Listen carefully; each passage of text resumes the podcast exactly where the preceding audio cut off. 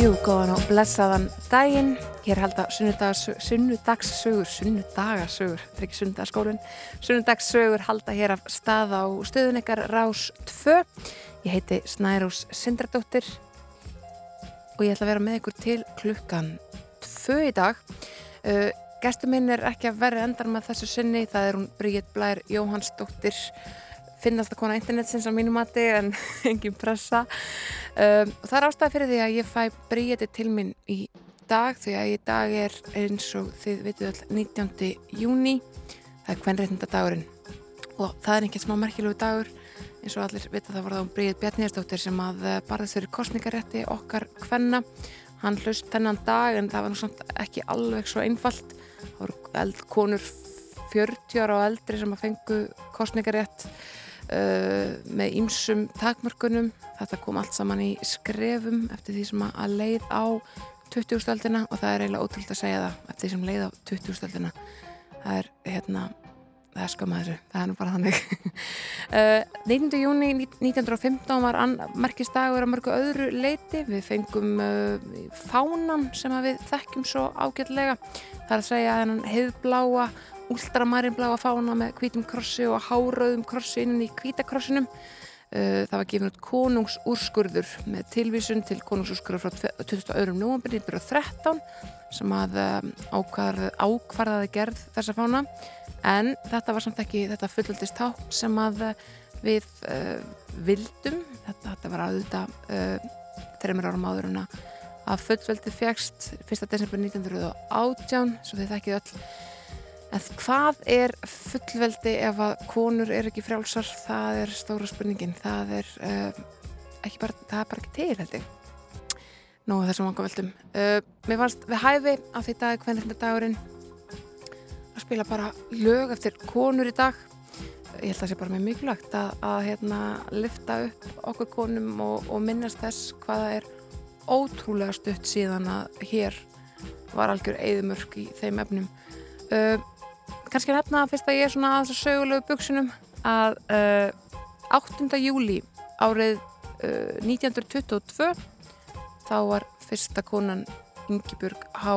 Bjarnarsson en mér skallast ekki uh, kosin á alþingi þannig að það eru 8. júli næstkomandi Yngibjörg H. Bjarnarsson 100 uh, ár síðan að hún var kosin fyrsta konan til þess að, uh, sérst í almennum þing, sérst í landþingskostningunum hugsa ykkur 100 ár eru ekki neitt. Við mögum öll búist því að verða tölvöld eldri en það þannig að þetta er bara jájá, já, ég held að það sé bara mjög viðandi að setja á Lissó uh, þetta er einhvern veginn kjarnar bara það sem maður hefur að segja um þetta mál.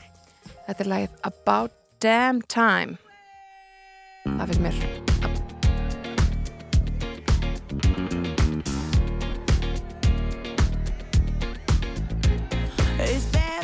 O'clock, it's thick 30.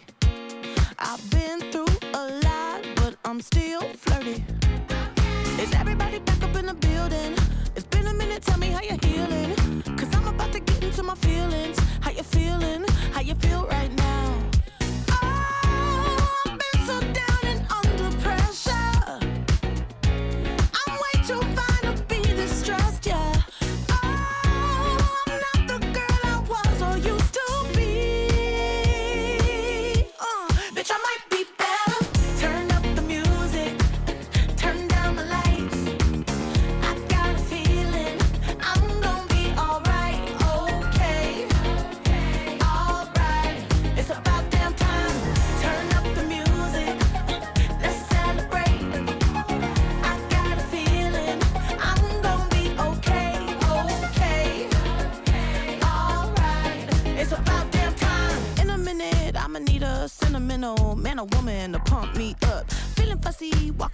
Balenciennes, trying to bring out the lust. Cause I give a fuck way, way too much. I'ma need like two shots in my cup. Wanna get up, wanna get down.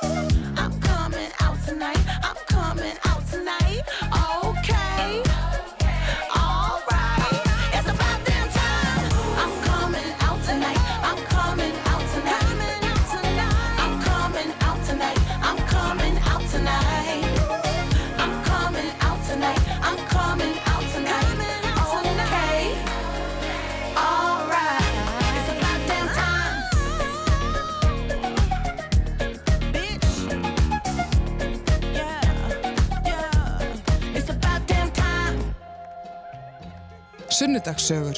Alla sunnudaga strax eftir hátegisfrettir.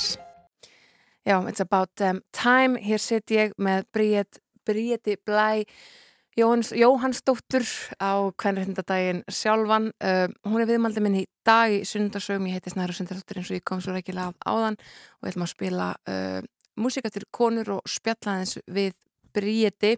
Þetta er hjartanlega velkominn Bríeti. Takk fyrir. Mjög uh, gaman að vera hérna. Já, va þú varst bara eftir að lista hjá mér þegar ég hugsaði, ok, það er kvennrættadagurinn, uh, þetta er mjög mikilvægur dagur en mér langar ekki að taka viðtal við eitthvað neginn, þessar svona típisku kvennrættadakonur. Hínabríðet. Já, nákvæmlega. Hínbríðet, hún er því miður ekki lengur meðal okkar. En uh, ég man mjög vel eftir því bríðet þegar þú tilkynntir á samfélagsmiðlum að þú héttir bríðet fyrir hlustendur sem að um, sem að uh, ekki þekkja þig, þá ertu transkona, þannig að þú fegst þau fórhændi að velja þér þetta í nafn. Um, uh, akkur er valdur bríðt? Sko, um, sko, þú kallar þetta fórhættindi að velja þessi nafn, en þetta er í alveginu svo erfitt. Ég, okay. sko, ég var að gera allar vinkunum mínar geðveikar, bara út frá því að ég var alltaf að skipta um skoðun. Það var alltaf, þú veist, ég valdi þetta nafn, svo var bara næstu vika, var bara, nei, æ, það hljóma skengilega, ég ég vil þetta nafn svo fór ég í gegnum eitthvað heilt ár þar sem ég leti alltaf kalla mig Blær mm -hmm. sem er millinafni mitt en mér eitthvað neginn það var svolítið svona millistegsnafn fyrir mig út af það er, þú veist, það er kyn hlutlausnafn þú, þú mátt í rauninni bara heita eða þú máttir allan á þeim tímapunkti uh, heita sama hvað sem er mm -hmm. og þannig að þá gæti breytt nafninu mín í þetta án þess að koma alveg út fyrir umheiminum en ég veit ekki hvernig ég held ég verið að plata. Nei, kannski sjálf að Svo sem sagt um, ég man ekki alveg hvernig ég komst niður á þetta nafn. Ég, svona, ég man ég heyrði það og ég veikka bara ó, það er svo fallit, ég vildi að ég geti heitið þetta. Ég get heitið þetta, þetta getur alveg verið nafni mitt. Já. en svo náttúrulega er þessi augljósa sterka tengin við Bríði Bjarni sem ég þykir úrslega vænt um en þú veist ég þekkti konin ekki, ég kann að meta allt sem hún gerði fyrir okkur.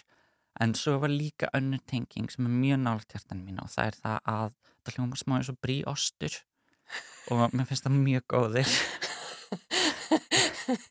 Þannig að um, já, það er svona og þegar ég sko kom með þess að bríð Bjarninsdóttir tengingu við mömmu og hún kefti þetta ekki. Nei. þá bara, það lítur að vera eitthvað og ég ekki bara, já, það hljóma líka smá eins og ostur en hún ekki að, hann kom það Þannig að þú saman að tvennsarskipti mestum á lífinu ástur og hvernrindi. Já. Einmitt. En sko, mér er svolítið gaman að ég held að ég held að nafni Bríett og Bríett Bjarninsdóttir, þetta er það svona stert, ég held að það sé valla hægt að skýra uh, nokkuð bann þessu nafni eða taka sér þetta nafn að þess að gera þessa tengingu og þar með hefur það svona þessa merkingu. Já. Hefur, hefur alltaf verið feministi? Nei, Ég, eða, veist, það sem fylgir því að, eða, veist, ekki, að, það er ekki skrifa í stein sko, en það fylgir því oft að alast upp eins og ég elst upp og með þessar tilfinningar sem ég elst upp með að það kemur inn smá hatur bara svona, ég er einni hatur á öllu sem að gerir mig öðru í sig mm. og þannig að ég eittir úrslega miklu tíma í að um, að þú veist, ég var kannski ég var ekkert eitthvað ég var ekkert vond, ég hatta ekkert konur. En þú veist það var svona það var alltaf þessi svona tókstreita sem að gerði mig þú veist ég stökk á alla svona bandvagna þar sem var ó já við höfum Brynni, Brynni er ógíslega við höfum þennan, við höfum mm. þessa, við höfum þessa við höfum þessa. Og það, ég var alltaf rosalega fljóta að hoppa á það vagna. Bara þú veist, ég get ekkert útskýrta betur en það bara djúft sjálfshattur sem var í gangi. En Nú, svo eftir já, bara, já. Einmitt. En svo náttúrulega fatta ég hvað ég er og það tók mig ótrúlega langan tíma að fatta hvað ég er og já, það, eftir það þá bara breytist ég í rauninu og ég er svona já, uh, fer meira að hugsa út í réttindi og hvað hvaða er sem let mig hata mig svona mikið mm -hmm. Hanna, og það er í rauninni bara sagt, uh, kvennfyrirlitning sem mér var kent af bara umkörnum mínu frá því ég fættist og já það er svona Þannig dag eitthvað þannig að það, fyrir þig sem kona að velja nafni Bríett, það hefur alveg eitthvað svona ekstra merkingu einhvern veginn, bara að það stiga inn í einhvern veginn svolítið annan veruleika. Já, ég er náttúrulega að talað um það að uh, ég sé í raun besti feministin út af því að ég í raun breyti mér í koni. Þannig að, þú veist, ég hef ekki séð annin annan feminista nema aðra transkonur gera þetta. Þannig að í, ef við fylgjum því þá eru alla transkonur sem eru feministar Já, betri feministar. uh, betri feministar. Einmitt, já, jú, jú, ég get alveg tekið undir með því þetta er rétt, ég hef ekki, ég hef ekki Já, ég hef verið svona róttæk, það er alveg hár rétt um, en sko þú ert eh, á ákveðum svona krossgötum ef sem orð komast í þínu lífi núna eða þú ert að, þú ert í byðstöðu af því að það er búið að vera COVID-faraldur og þá bara gerist ekkert í þínum uh, þínum svona transition málum Sko, um, ég held rosalega lengi að þetta væri COVID að kenna og þetta væri bara, oh, veist, ég, endi, þú veist, ég sparkaði svo mikið í sjálfa mig, svo lengi því að ég hafa ekki byrjað á þessu ferli fyrr Mhm. og ákveðið að gera þetta fyrr út að ég var bara, ef ég hefði byrjað fyrir COVID, ef ég hefði byrjað þegar ég áttaði mig á þessu, þá hefði, þá hefði þetta allt lengur búið, Einmitt. en svo kemst ég bara að því setna, þetta var aldrei svona stutt, það var aldrei, nei, þetta kannski að uh, útskýra hvað við erum að tala um fyrst. endilega, endilega Við erum að, sagt, að tala núna um byggtíma í kynleiðréttingar aðgerðir mm og það er sem sagt, um, mér er sagt þegar ég fer og fæ að fara á byggðlista að venjulega veri byggtíminn eitt ár en út af COVID sem, og þetta var sagt svona í miðju COVID um, að byggtíminn var núna bara lengast í tvö ár en svo tala ég við aðra stelpu sem beigði í fjögur ár fyrir COVID og þá einhvern veginn fæ ég í rauninni bara, ég fæ vita þetta í vinnunni, ég fer bara afsýðis og fæ bara kvíðakast á gólfinu inn á lager í vinnunni -hmm. Bara út af því áttum á því að það bara þetta var bara, þetta var bara tálsýn skilur, þetta var aldrei að fara að gerast á svona stuttum tíma þannig að ég held að það sé eitthvað mikið meira í gangi í sagt, þessu kerfi annað en um, COVID Þú sko, þú ert búin að fara í toppaðgerð og Já. við erum að tala um botnaðgerð sem Já. þú ert að býða eftir Toppagerðin sko er eitthvað sem ég hefði getað að fara á bygglista fyrir en ég borgaði það sjálf Mhm. og bara sapnaði mér upp fyrir því en hitt er bara, það er ekki raunhæft að sapna mér upp fyrir því ekki ef mér langar eitthvað tíman að búa ekki heima á pappa mín Einmitt. Og þú þarft, sérst, til þess að bara svo förum, af því að það eru örugglega fullt af hlustundir sem að vita bara alls ekki hvernig þetta ferli virkar. Uh, þú, sérst, einstaklingur eða þú eða bara hver sem, mann, sem að er trans gerir sér grein fyrir því að, að hérna, uh, ég, þarf eitthvað að grípa inn í þetta ferli til Já. þess að bara lifa lífinu til fullustu uh, og hefur það samband við landsbyttalan til þess að komast í samband við transteimið eða hvað? Já, ég sem sagt uh, pantaði mig bara tíma hjá um, uh, heimilsleiknum mínum og fekk þaðan uh, þess tíma hjá transteiminu Mhm. og þar í rauninni byrjar þetta alltaf að rúla og það, þetta eru svolítið svona Mm,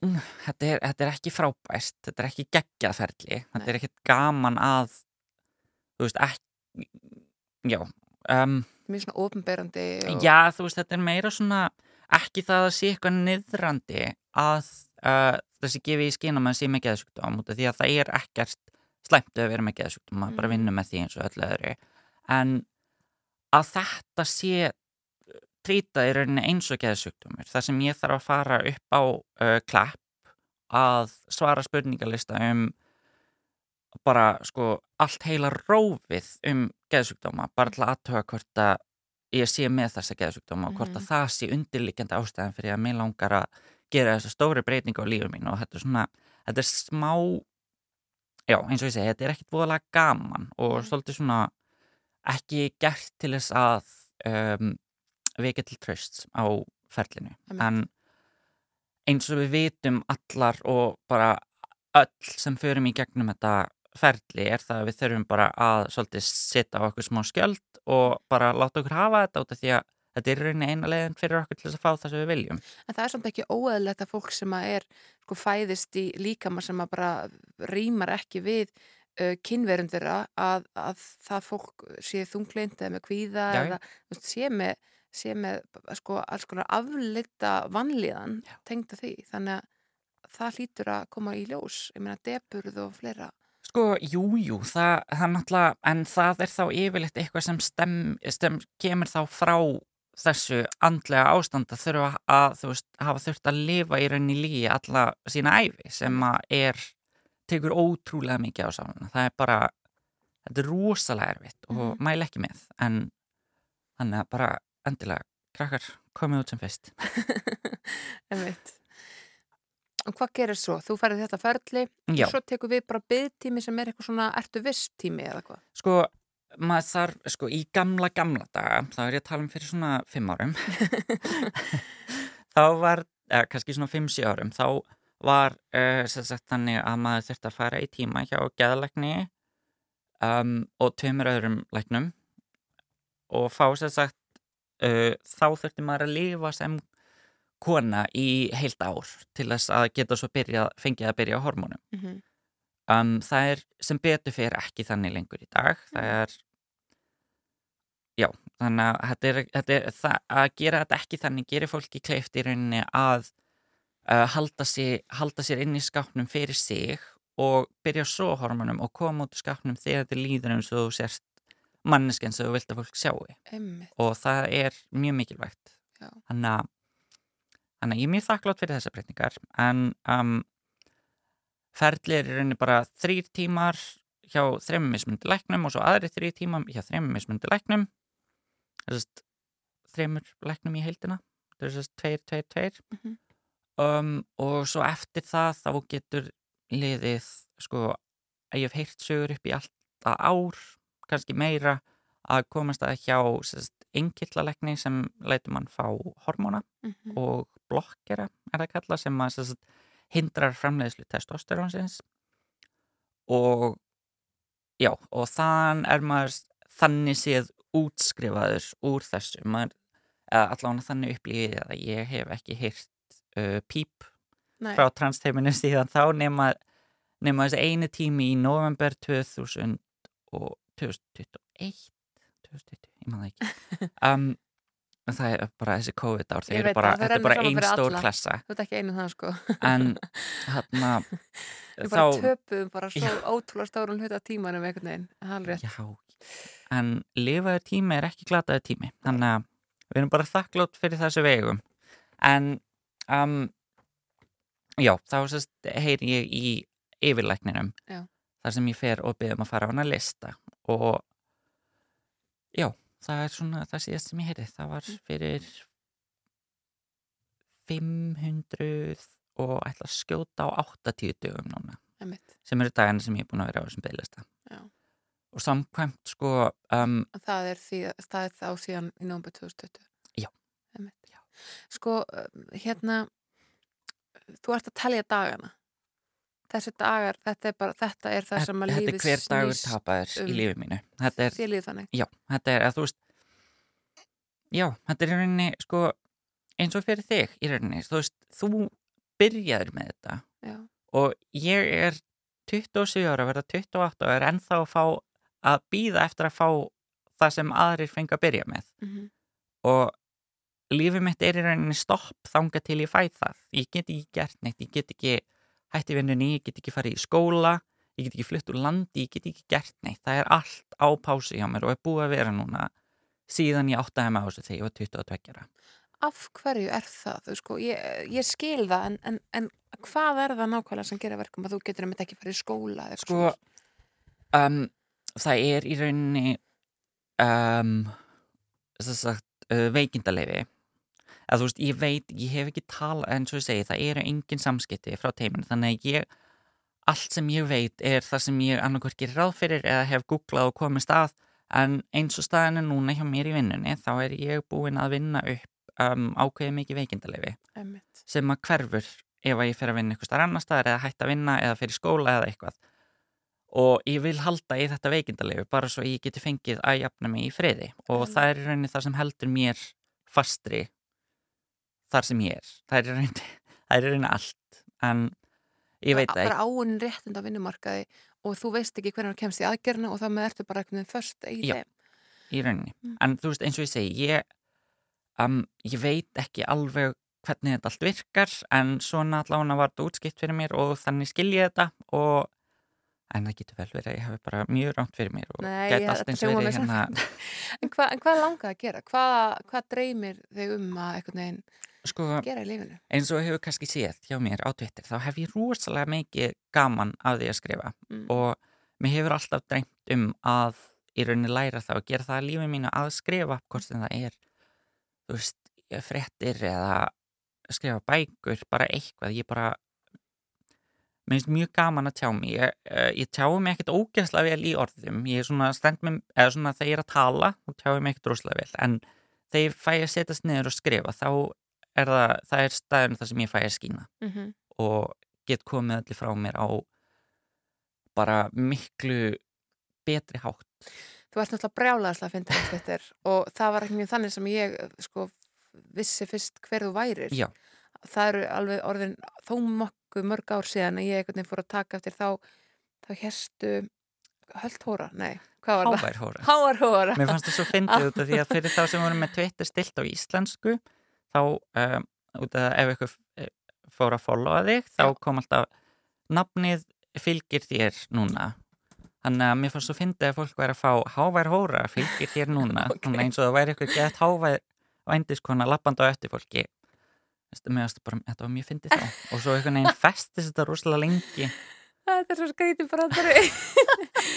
ok, en, en hérna, uh, hvað færðu þess að kymlingáfi? Því hún, þú þú hefur raunverulega, sko mjög, ég bara, ég, mér er bara engin ástæð til að vera ekki að skella það hérna. Þú hefur bara raunverulega mjög mikla og góða kymlingáfi. Sko, þetta náttúrulega kemur eh, sko, þetta er bara eins og maður sem ég leit rosalega mikið upp til uh, Robin Williams, það er bara hann var einstaklega þunglindu maður og ég Mhm. er rosalega þunglind og Mhm. það er bara stemmir frá lífið mínu og hvernig ég hef þurft að lifa lífið mínu en um, húmon er rauninni það sem bjargar mér og að gera grín af hlutum er hvernig ég kemst í gegnum það og ég ger grín af ótrúlega óviðegandi hlutum fyrir sjálfa mig en þú veist, ég myndi aldrei fara að skjóta á eitthvað ótrúlega óviðegandi hjá öðrum, það Nei. finnst mér bara ljótt Það geta kýla niður. eitthvað. já, já, það er bara, það minnst það ekki fallegt en já, ef þú getur ekki hleyið að lífinu einu, þá já, ef ég get ekki hleyið að lífinu mínu, þá, þá veit ég ekki hvað ég myndi gera maður verður að finna hvað þið fyndið við þetta En hvernig finnst þér þá, eh, sko, ertu búin að horfa á Dave Chappelle, hérna, Nei. Netflix Nei, show? Ég, um, ég hef heyrt sögur, ég er búin að lesa um þetta Já. og ég, bara, ég kæri mig ekki um þessa orku í lífi mitt Einmitt. og ég veit alveg að, fólk, að það er rúslega mikið af fólki sem hatar transfólk Mhm. af einn ástæðið annari. Það er bara hvort þau eru að, þetta er eins, bara eins og með mig. Þegar ég hataði konur, hvort það sé eitthvað sem að þau eru þá að reflekta á transfólk, það þarf alltaf að vera eitthvað vondikall. En ég skulda þeim ekki það að hlusta á þetta. Og ég hef engan áhugaði að lesa neitt eftir J.K. Rowling til dæmis. Um, ég hef bara fullkomlega forðast allt sem hún gerir núna. Búin að brenna Harry Potter bækuna mínar. Tölum betur um J.K. Rowling hér eftir eitt lag, uh, eins og ég lofaði aðan þá ætla ég að spila bara, ís, uh, ekki íslenskt, bara konur í dag og þess bara eitt svona gott queer anthem.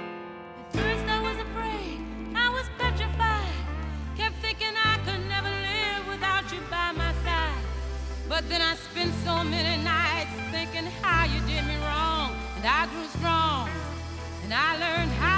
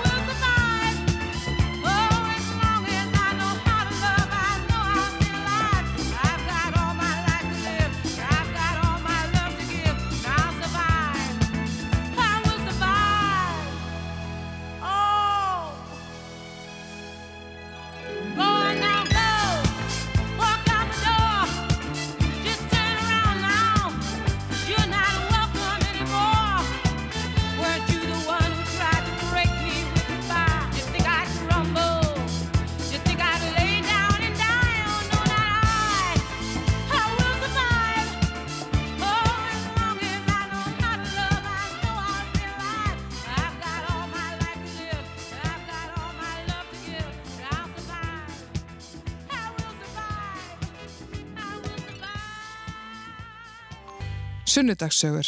Alla sunnudaga frá 12.40 til 2. Já, við höldum hér áfram í sunnudags sögum, Snæra og Sindardóttir og gestur minn Bríett Blær Jóhannsdóttir sem að er að segja mér uh, já, bara allt um sitt líf eða ákveðum að vera bara ofinbók í dag. Uh, Bríett, við vorum að byrja aðeins að, að krafsa í J.K. Rowling hérna fyrir, uh, fyrir Já. auðlýsingar og fyrir tónlist. Uh, sko, uh, þú ert nörd, þú hefur gaman að fantasíum. Ég er rosalega mikil nörd. Já, Alveg bara innilega mikil nörd og ég elskaði Harry Potter. Harry Potter var bara lífið mitt í grunnskóla Já. og ég skrifaði bref til J.K. Rowling og hún var hetja mín og hún er partur af ástæðinu fyrir mig langar að skrifa það mitt. og Svona mikið inspiration. Já, og að upplefa svona sveik frá mannskinu sem þú leist einna mest upp til er að ég, ég get eiginlega ekki komið í orð það er bara, þetta er ótrúlega sást Já, alveg bara, og fólk svona verðist ekki eða sumir verðist ekki alveg skilja af hverju ég tekið þetta svona næri mér en það er bara það er bara einmitt það að þetta, hún var ædóli mitt. Mhm, það var bara, þetta var þú veist, það eru litla stelpur í bandaríkjunum sem hugsaðu bara um Hillary Clinton eða þú veist, eitthvað þannig og hún var mín Hillary Clinton. Einmitt. Sko við bökkum aðeins og, og förum aðeins yfir bara einhvern veginn hennar mál, hún er auðvitað eins og við erum búin að nefna höfundur Harry Potter bókana og, og multimiljóner Já. bara á tíma var hún hérna ríkasti brettinn og ríkarinn drottninginn og allt þetta eins og maður er búin að þekka svo vel með rosalega völd. Það er bara óhætt að segja það. Um, og svo einhvern veginn fyrir kannski svona hvað það segja, tvö ár síðan, þrjú ár síðan. Sko, þetta er búið að vera þetta er búið að vera svona grassera hjá henni alveg mjög lengi. Þetta, þetta, sko, þetta var ekkert, hún kom ekkert bara út úr skápnum í daginn og sagði bara, ég hata transfólk. Nei, nei, þetta er bara, þetta var svolítið svona þetta byrjaði og hún lækaði tvít frá mannsku sem er þekkt fyrir að vera transfobi og það er allir bara af hverju er hún að followa þessa mannsku til að byrja með? Hva, Mhm.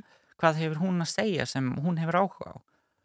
Annað en þetta eina tvít sem hún var að læka og á, svo hjælt það áfram að gerast þetta byrjaði að gerast aftur og svo byrjaði hún, að, svo, uh, byrjaði hún aðeins svona auka í og byrjaði að rítvíta mhm, þess að þá endur deila skoðunum frá þekktum transfópum og svo eitthvað neginn bara bresta flóðgáttin og hún skrifar bara í rauninni heila BA-ritgerð um af hverju transfólki er slæmt.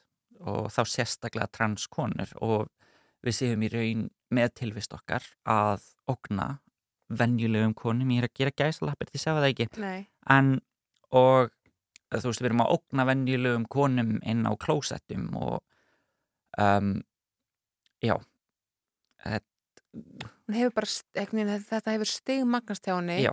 og hún verðist, það sem er svo skrítið að maður svona aðeins veginn að reyna að rýna í hana sko það er eins og hún hérna forherðist í hvert sinn sem Já. hún fær sko gaggrinni á veist, næstu langum að segja hún hafi ekki verið svona brjálaði transfópur hún byrjaði Nei. einhvern veginn, heldur eftir hvert skipti sem henni mætti með útlæti frá sko hennar aðdándum það, ég held að þetta sé bara svolítið, svolítið partur af þessu þessu hvernig hún varð fræg og út af því að hún, hún var bara dyrkuð og dáð af öllum um allan heim og það er svolítið svona ég held hún hafi bara farið að líta á sjálfa sig sem svolítið svona um, bara ósnertanlega þegar kemur að skoðunum og bara í rauninu öllu og svo þegar hún byrjar að upplifa eitthvað mótlæti á móti skoðunum sínum þá er þá eitthvað neginn í staðin fyrir að það sem venjuleg manneski gera, manneski sem á ekki pening, manneski sem þú veist, bara eins og venjuleg manneski um, myndi kannski segja, ó, kannski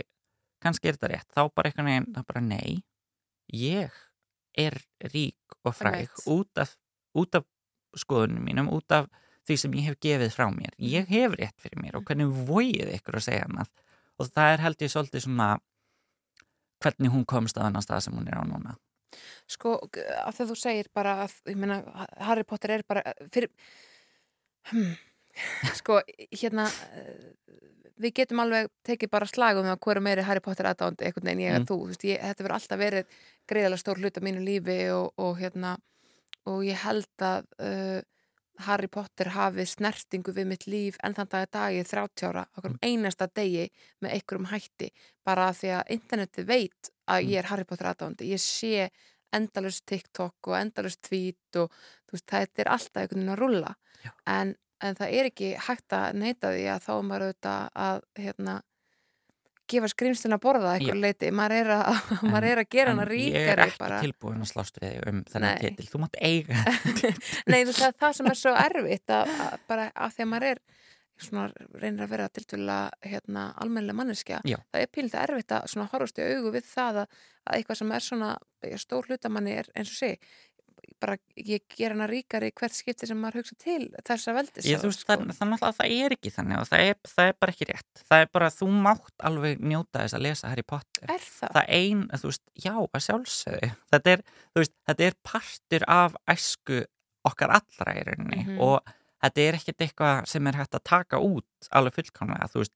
Ég veit að ég talaði um að ég fjarlæði þetta alveg úr mín líf, en það er bara þetta að hún er búin að menga þetta fyrir mér. Já, og en þú veist það þarf ekki að vera þannig hjá öllum öðrum. En þú veist það eina sem að ég myndi segja væri væri bara ekki gefin í pening. Ekki fara í bíó og horfa á þessar endalust sorry, blóðmjólkuðu myndir um Harry Potter heiminn sem eru eftir því sem ég hef allavega lesið bara hver önnur hver bara slæmar það er ekkert ekki, það eru, það ekki, ekki allavega eftir því sem ég Fantastic veist Beasts svona, hérna, svo serja er ekkert eðsleg sko. Nei, nei, en, en, en sko um, en finnst þér að þú segir, þú mátt bara gera það sem þú vilt, þú veist, líður þér þannig að, að hérna að það sé hægt fyrir annað fólk sem að einhvern veginn þú veist, að það sé hægt að aftengja he söguheiminn frá þessari konu sem er bara andjóks, hún er martröð á internetinu, það er bara, já, það er hræðilegt. Ég var það unfollow hún á Twitter og allt, því hún er bara, hún er hræðileg skilur hún, sko það er náttúrulega það er bara undir hverjum komið og ef að ég fær allt í einu að koma hérna í útvarpið að henda út einhverjum búðum og bönnum um hvern má lesa og hvern má ekki lesa skilur, það er bara, það er ekki raunhæft það er bara, og þú veist hver er að fara að hlusta mig?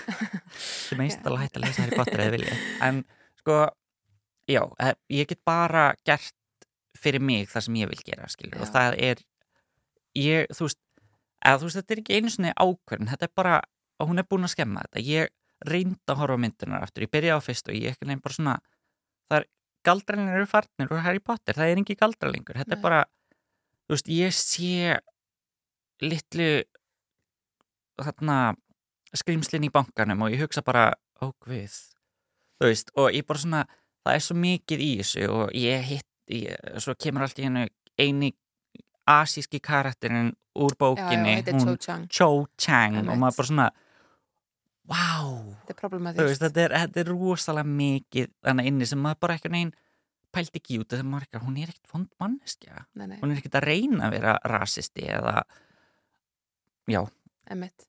Já, já, og svo þetta er, það er mjög svona, það er mjög augljóst að sko, uh, að hérna drápararnir sem eru vondukallinir eru Mm. byggðir á nasistum og svona, þú veist þannig að þar erum við með svona eitthvað svona fjölbreytileika bóðskap sko, já, en svo bara verðist hún sjálf vera einhvern veginn algjörlega uh, fast í bara einhverjum, einhverju, ég Eitthvað nefnilega sko að þetta með nasistana sé svolítið sé að leika uh, vestræna menningu svolítið illa út af því að við erum með þess að vondukalla og þeir eru vondukallanir mm -hmm, og meðan þú ert ekki jafn vond og þessir vondukalla þá, þá er þetta hlæg og ég held að það sé svolítið svona eitthvað sem við erum að festa svolítið í mm, að hei, ég er allavega ekki einmitt, þú veist það er hlæg hata transfólk ég er allavega ekki einmitt. þú veist þetta er svona mm, En eh, sko, hún, JK, er náttúrulega kannski svona valdamesti þáttakandin í mjög eitrar umræðu sem er eigin staði Breilandi, sérstaklega. Já.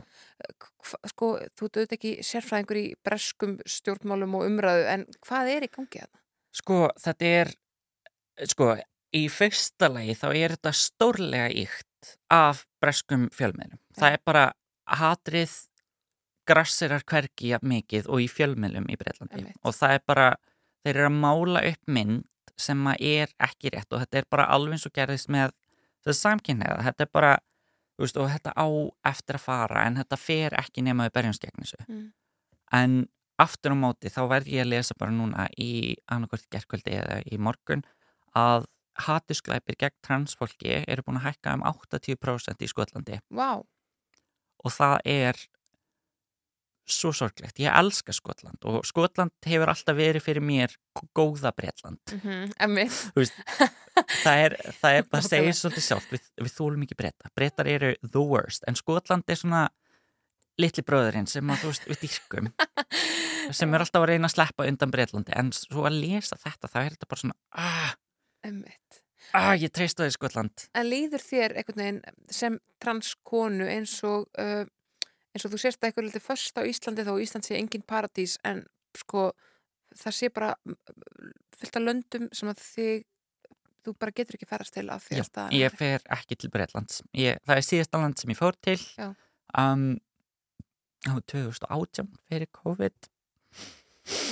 En um, já, nei, ég, uh, þetta er rúslega, ég sko, mér langar rúslega mikið að fara til útlanda, en uh, ég veit eitthvað hvert ég myndi fara, ég á ekki vegabref, þannig að það er líka annað, annar svona, Það er að það rætta því. Já, já, en um, já, ég allan, ég fer ekki einn til útlanda. Það Nei. er bara, vinnu minn, ég var sérst að tala við vinnu minn og hann fór alltaf inn til Belgíu í daginn og ég ekki bara, what?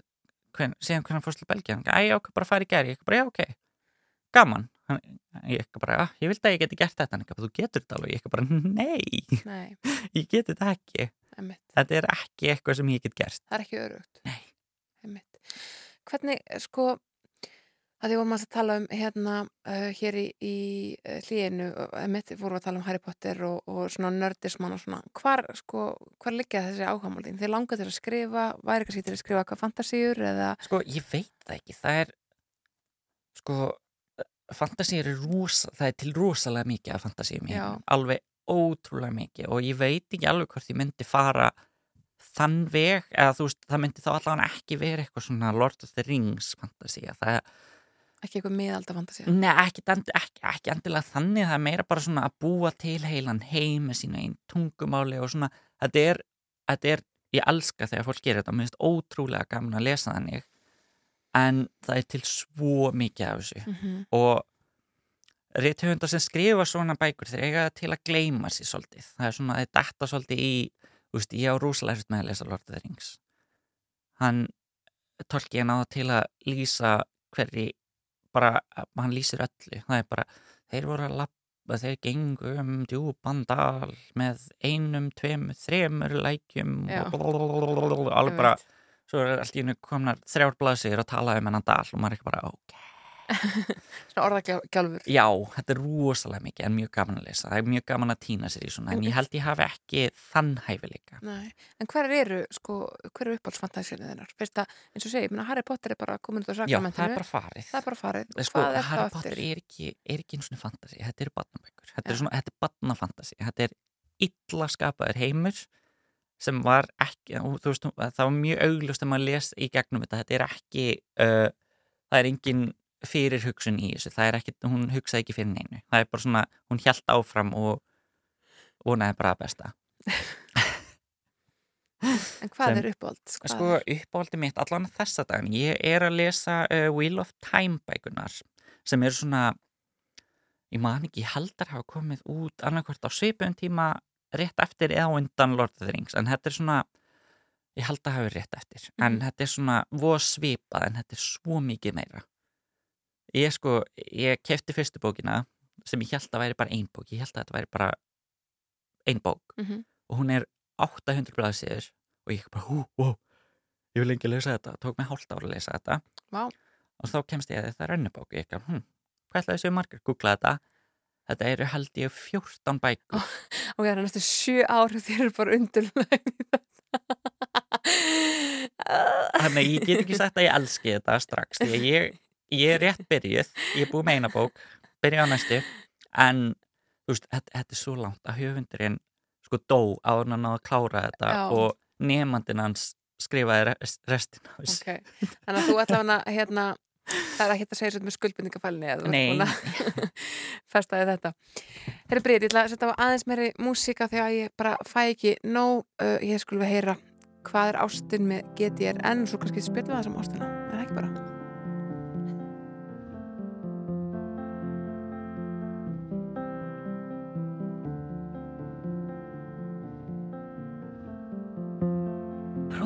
Voru orðin mín Úr huga mínum náði flögi Auð öll mín blöð. En vangi veitti fegur þín Svo blað síður nú fylla tugi Ur hjartans lög Nú flautar spíða orð í röð Hvað er ástin ört? Hún breytist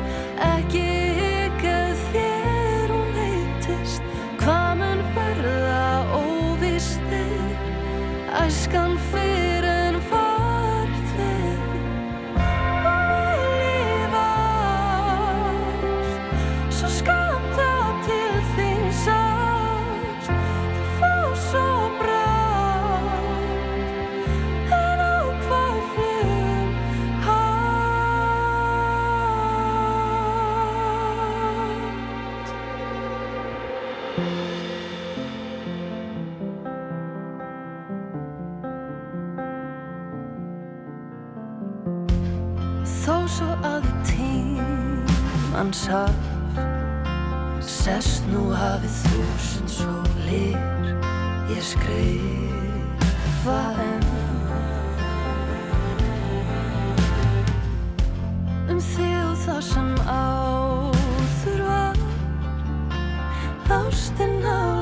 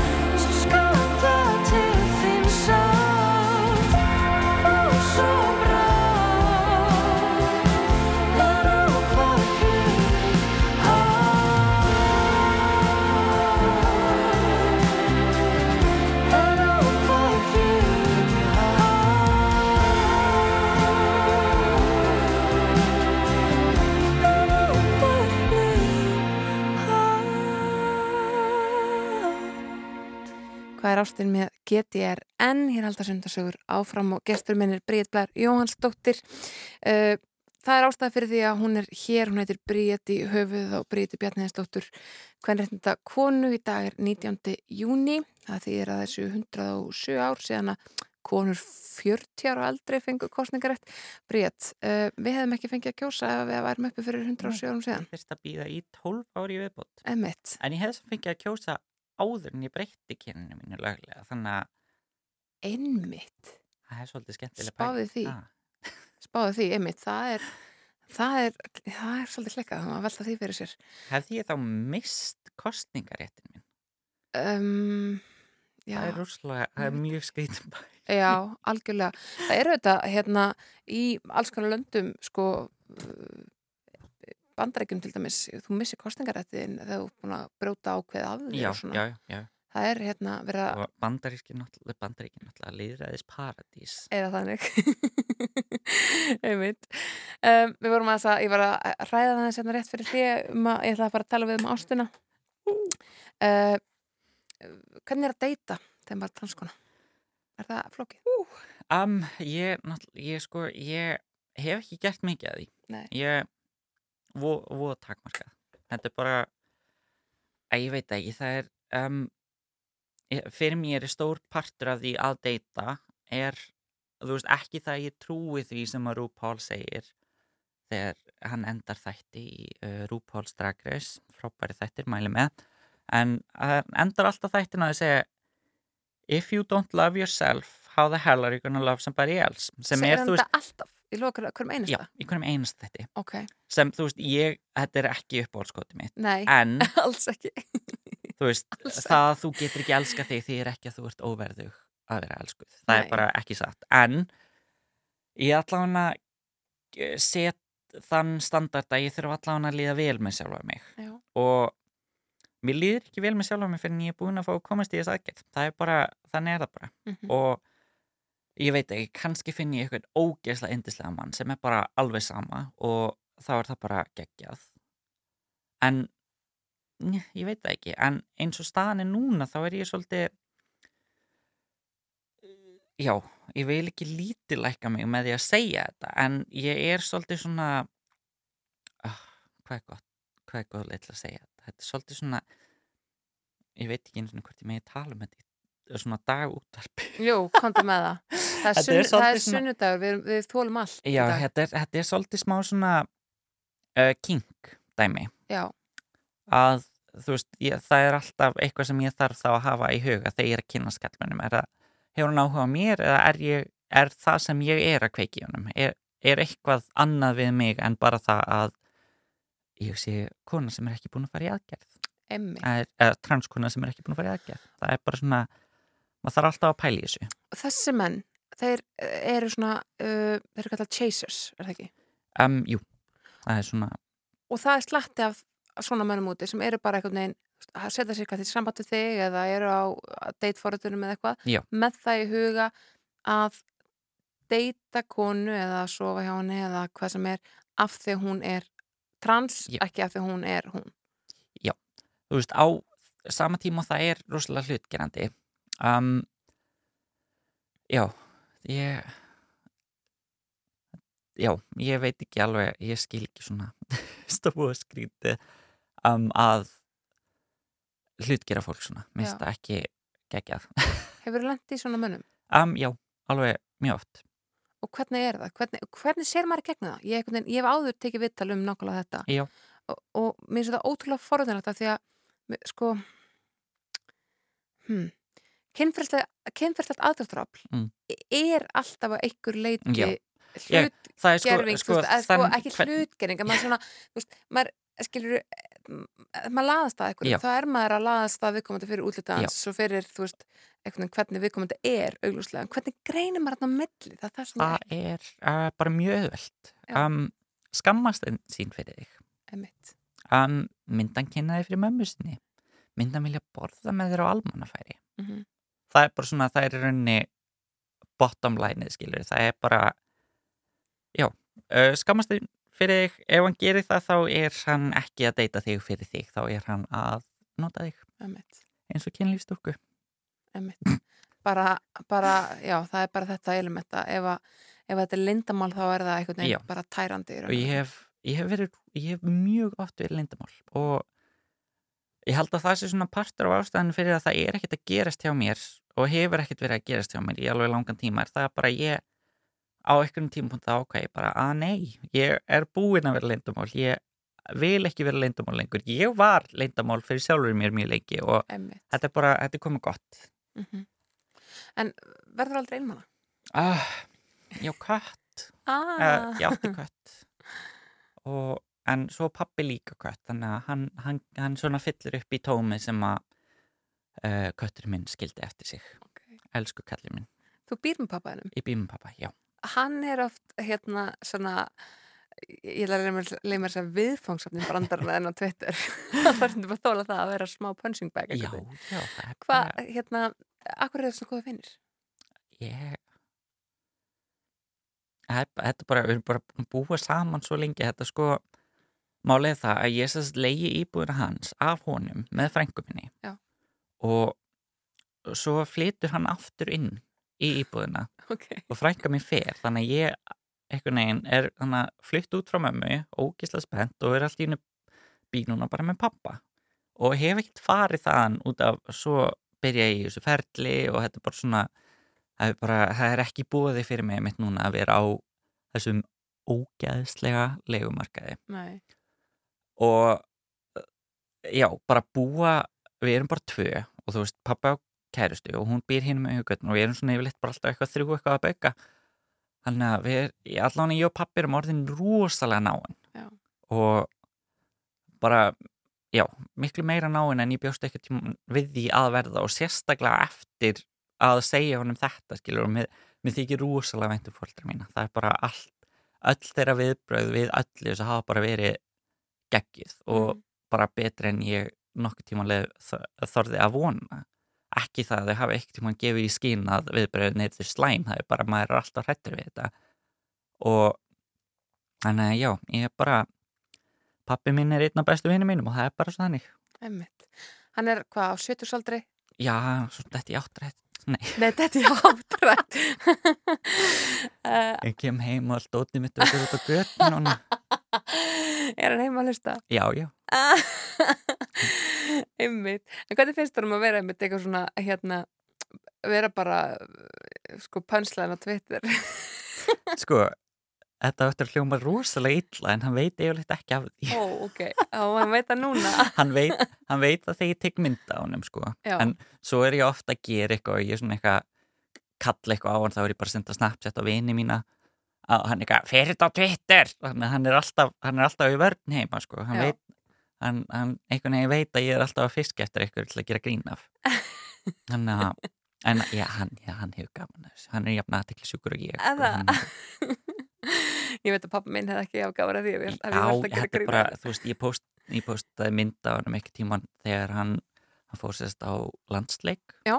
og kallaði sér svo landsliðsleikmann eftir leikin Ha, út af því að hann datt af áhörundapöllunum og inn á völlin ok. og svo lág hann heim og var alveg stokk bólgin á fætinum og ég tók mynda hann með eitthvað bara, pappi kallaði sér landsliðsleikmann og hann spurði bara allan dag hvað er komið mörg læk núna? Ég eitthvað 100, hvað er komið mörg læk núna? Ég eitthvað 150 þannig að hann hefur alveg gaman að þessu Já, hann er fyrst að fóka gaman Æ, ok, það er gott. Um, en við vorum að tala um aðan að þið langaði að skrifa, verða rithöfundur og væri einhvern veginn bara í, með lífi í byðstuðu.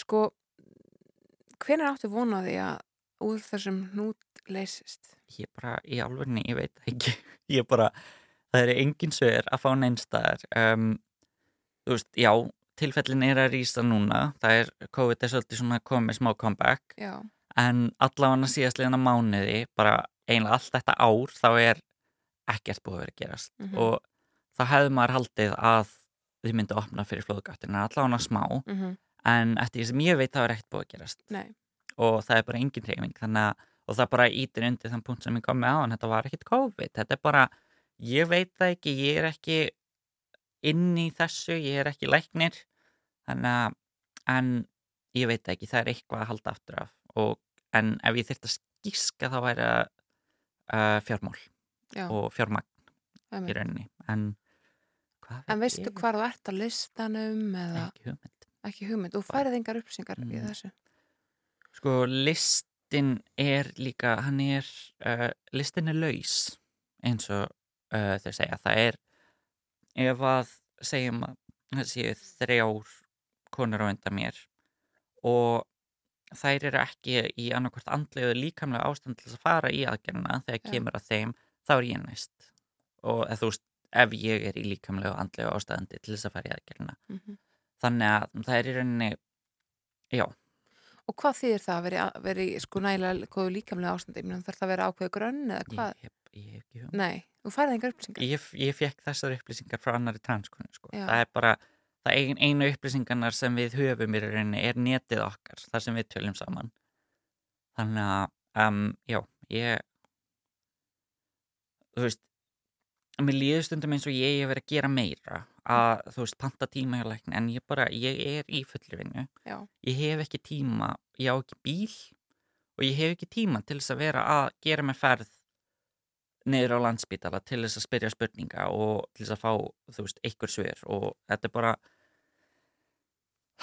já, ég veit, ég veit ekki alveg hvernig væri hægt að leysa úr þessu annað en bara tala meira við okkur Það Það þú ert bara basically að býða eftir símtalið sem að mun breyta lífið. Já. ég fekk uh, ég sko, svoleiðis heldi mér yfir greikonuna hjá Æ. heilsuveru um, ég fekk einu sinni skilabóð SMS um að það byði mín skilabóð Mm hjá heilsuveru og ég bara, bara hjartaði á mig bara svona datt niður í gegnum allan líkamann minn. Bara sko liggur við England út og ég er sem sagt opna heilsuveri og ætla að skrá mig inn og þá virkar heilsuveri ekki. Mm. það var of mikið álag. Ég gæti ekki skráð mig inn í hálftíma og þetta var lengsti hálftími lífs míns. Ég var bara, ég var ekki búist í neinu skilabóðum Nei, ég var ekki nýbúin að fara til læknis eða neitt þannig þannig að ég var eitthvað bara hvað er þetta að gerast, er þetta núna, er þetta að koma og var eiginlega bara búin að rúlla mig upp í eitthvað svona kvíða bolta yfir hvað þetta geti verið. Mhm.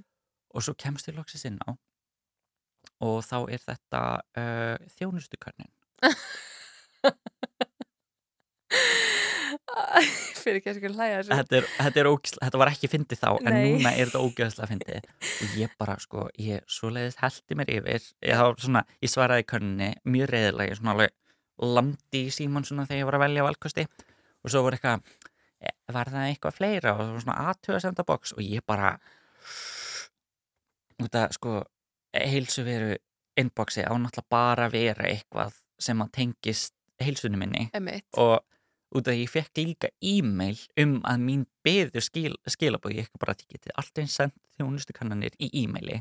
Þetta á ekki að fara inn í þetta. Nei. þetta er allt annar vettvangur. Þannig að það er svona það nálaðast sem ég komist í að halda að, að þetta væri að fara að gerast. Já, þú veist það allavega hvernig viðbröðum verða þegar það er að kemur. Já. Og hvað, sko, ef þú færð bóði aðgerð, ég meina, gerist það þá til til að rætt eða þarftu einhvern veginn ég bara, ég, ég undirbúning. alvörni, ég hef ekki hugmynd ég Nei. veit ekkert. Sko, þessi, ég talaði við eina sem að sagði mér að hún þurfti í rauninni að nöldra þessi leiðin í aðgerð. Hún Mhm. pantaði þessi tíma hjá öllum læknunum í þessi transteiminu bara einu sinni mánu og bara satt hjá þeim. Þangu til þeir leiðin að fara í aðgerðina. Ok, sem sem er geggjað ef þú hefur tíma í þetta gerðu það, en ég persónulega hef ekki tíma fyrir það og þetta á ekki að virka svona, Nei. þetta er heilbreyðiskerfi og við eigum ekki þurfa að nöldra okkur leið inn í lífsnöðsynlega aðgerð sem þetta er Mhm. alveg 100% og sko ég var að lesa um, gamla grein þar sem var verið að tala um, um lífsnöðsynlega aðgerðir og hvað verið ásættanlega byggtími Mhm. áður en maður mætti byggja um að fá að fara til útlanda að framkvæma aðgerðina. Veistu, hvað dagar, veistu hversu margi dagar það eru? nei, 90 dagar. Emmitt það er óásættanlega langur tími til að byggja eftir aðgerð. Já, sem er lífsnöðsynleg Já. En þessi aðgerð er bara ekki flokku sem lífsnöðsynleg sko ekki af fólki sem þarf hann ekki. Nei, emmitt En hún er það fyrir ég hef átt uh, mjög skemmtilega samræður við fólk um hvort þetta sé lífsnöðsynlegt eða ekki en þetta er það. Og ég bara, ég hef heyrt frá svo mörgum að þær eru alveg að gefast upp. Mm. þessi byð er að drepa fólk og það er bara sannleikurinn. Það er, er bara það er verið að drepa okkur með byð og vinur minn kallaði þetta byðlistan sem stýttir sér sjálfur Emmitt sem er ógeðslegt en satt. Já. þetta er hræðileg tilhugsun en þetta er bara satt, þetta er svona Allar, það sína allar rannsóknir að, uh, að sálsvíkshugsunir meðal transfólks eru hærri heldur en Já. hjá öðru fólki.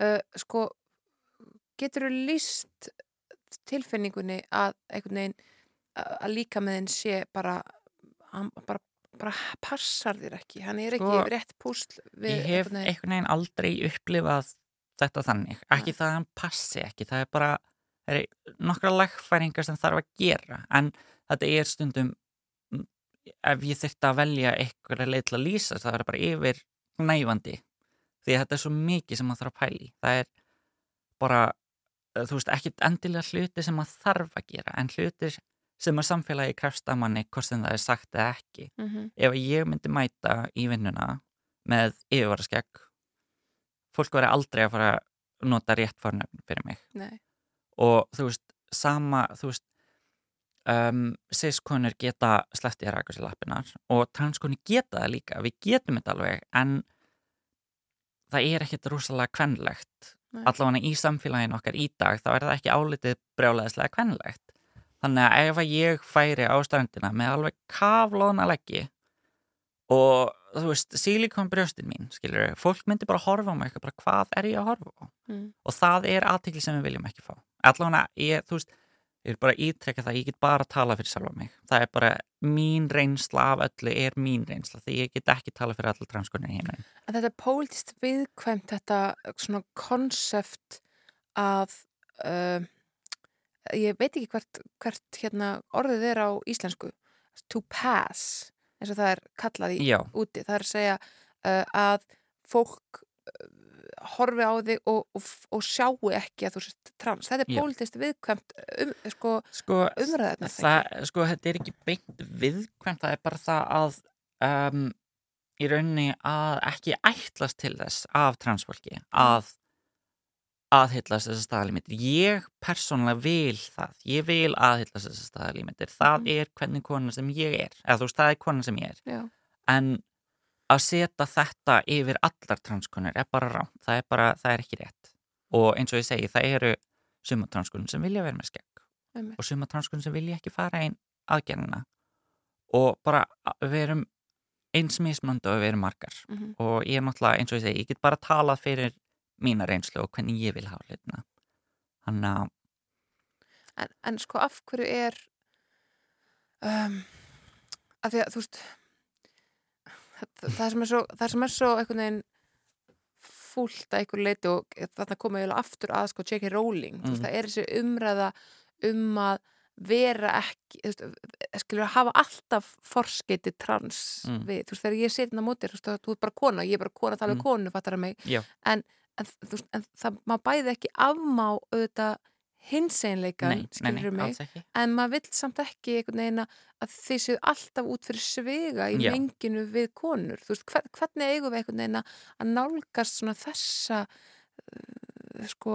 þessar svona núansa á þessar umræðu sko það náttúrulega, það fer uh, þetta er rúslega persónubundið Já. um, þú veist, ég hef ekkert á móti að vera transkona ég elska að vera transkona Mhm. ég er transkona, það er ekkert þú veist, það náttúrulega fer líka bara eftir um, hvernig þú ert að tala um þetta ert að, ert að segja transkona eins og þessi Einmitt. skilur og þá náttúrulega en þú veist, ég er enn ger engan greinamun á, þú veist, transkonu og konu nema greinamun sem þær myndi vilja ég myndi gera myndi þeirra, Já, já. skilur og þessi óþar að gera greinamun í Já. raun og veru ég já, meina, í rauninni eða, þú veist þín, þín upplifun skilur er bara meina, það er upplifanir sem ég og þú höfum sem eru ólíkar eru bara hennilega þegar við erum með tveir einstaklingar veist, en, en ég meina samkvenlega upplifunin sem er alltaf verið að tala um einhvern veginn í feminisman, menn hún er alveg til staðar já, já, en þú veist, svo náttúrulega kemur líka á móti að ég er alin upp sem strákur mm -hmm. og fæ þá sagt, þessa macho kalla eh, uppeldi sem að fæ, sem er alltaf verið að tala um og þú veist, ég man alveg eftir í grunnskóla þegar það var komið að úlingadeildinu og það var splittað upp íþróttímanum í stelpu íþróttir og stráka íþróttir. Ég hætti að mæta. Einmitt. ég faldi mig bara nú klósiti bæði fyrir sundið og íþróttunar ég mætti, held, ég man eftir einum íþróttíma sem ég mætti í. Ég mætti ekki einu sinni sund. Nei. nema bara sundkennarar minn kom upp að mér í lók tíundabekkjur og sagði þú verður að taka sundprófið. Ef þú ætlar að útskrifast viltu koma bara að taka það núna á meðvikudaginn það, verður engin annar. Ég bara ok, það er fínt. Og það, þú veist þannig að ég missi rosalega mikið af þessari samheldni og þessari kvenna menningu í skólanum út af því ég var basically bara skorin út úr því. Já. það var bara eina sem ég fekk að upplega var í gegnum vinkonum mínar sem voru bara vinkonur. Ótrúlt en satt, Mhm. ég átti enga strákavinni. Þannig að, þannig að já, þetta er, þetta er, þetta er alveg flókið, þú veist, þetta er svona svolítið lang, hérna, einhvern veginn, já, mörg svona viðfangsefni, en, en sko, eftir við erum búin að koma svo nokkur svona þú veist, þessi aðgerð, hún er aðalatrið núna og svo til líður svo þá sértu komin á byrjunreitin að fara að lifa lífinu og Já. gera, þú veist, láta drauma þína reytast. þú veist, transferlið er uh, ævilangt þetta er bara, þetta er eitthvað sem ég er að gera alla mín ævi, ég, var, ég er að taka lif á hverju minnstegi og það er bara, það mun halda áfram og líka mun halda áfram að breytast. En þetta er eins nálægt í og ég get komist í að setja svona slaufa á þetta Já, klára þetta og þú veist, já, gera bara hluti eins og annað fólk. Einmitt. þú veist, fara í sund ganga í þú veist, þrengum buksum að að gera að fólk sé að horfa á klofi á mér og einmitt. bara þessi sjálfsögði hlutir sem, hlutir sem að fólk gerir veist, þessi mikla sundþjóð og það er annar partur af íslensku lífi sem ég hef ekki tekið þátt í síðan 2009 það er að fara í sund Einmitt.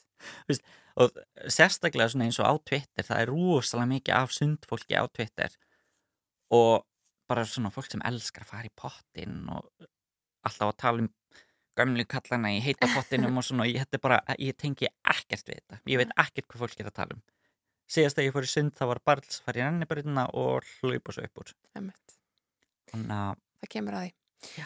Bríð Blær Jóhannsdóttir, takk kærlega fyrir að vera gestur minn í sundagsögum í dag. Það var gaman að fá þig. takk fyrir mig Til að enda þetta á Madonnu. Þetta er La Isla Bonita. La Isla Bonita. Uh, ég þakka kærlega fyrir mig í dag. Mér heitir Snærós Sindradóttir og þetta er Madonna. Gleðilang hvernig þetta.